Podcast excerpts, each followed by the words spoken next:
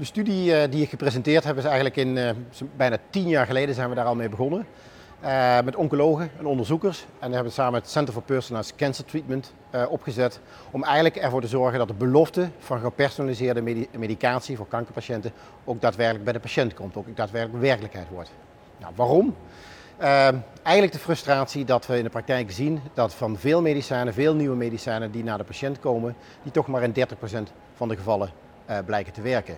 Is natuurlijk mooi voor die 30%, maar we hebben nog steeds 70% met uh, neveneffecten, overbehandelingseffecten, maar ook hoge kosten. Nou, we hadden bedacht, eh, gezegd van dat moet anders, dat kan anders.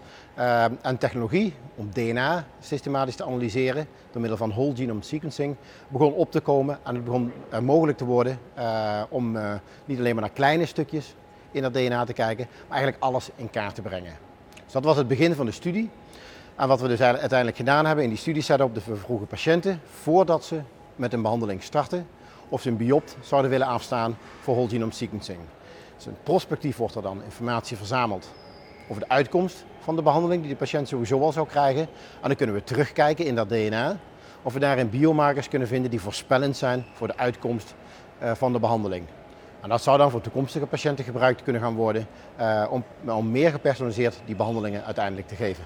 We zijn deze studie begonnen in, uh, met drie centra die het Center for Personalized Cancer Treatment hebben opgericht. Het Erasmus Medisch Centrum uh, Rotterdam, het Nederlands Kankerinstituut Amsterdam uh, en het UMC Utrecht.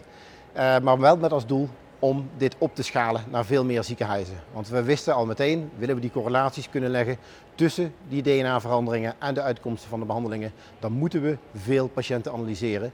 Uh, en momenteel doen er 49 ziekenhuizen, zowel academische ziekenhuizen als algemene ziekenhuizen, mee in deze studie, waarin patiënten uh, meewerken uh, en materiaal beschikbaar stellen en meedoen aan die bioptering.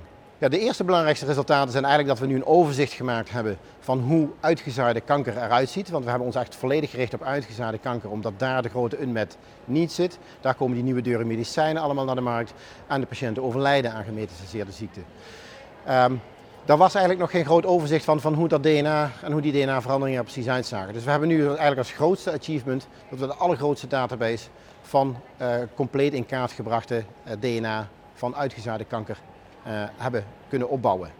Uh, die database is uh, verrijkt met klinische informatie, dat is ook uniek. We hebben dus informatie van de patiënt, behandeling, behandeluitkomsten, welke behandelingen zijn er eerder gegeven. En wat ook uniek is, deze hele database is beschikbaar voor onderzoek wereldwijd, voor academisch onderzoek. En het wordt al gebruikt voor bijna 100 onderzoeken wereldwijd, uh, waar hele mooie dingen uitkomen, nieuwe inzichten, maar ook nieuwe behandelrichtingen. Ik denk het tweede mooie punt wat eruit is gekomen, dat is een stukje wat niet in het design zat toen wij de studie opzetten.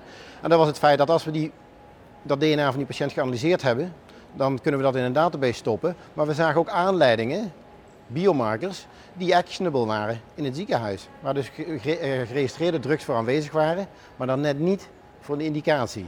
En daardoor is eigenlijk ook in, binnen die CBST-context de DRUP-studie, eh, Drug Recovery, Rediscovery-studie, opgezet. En dat uh, is in een presentatie na mij, is dat door Emiel Voest gepresenteerd, uh, waarin we ook laten zien dat als we die route volgen, die aanleidingen oppakken en die patiënt ook daadwerkelijk die medicijnen geven, dat een derde van die patiënten er ook baat bij heeft.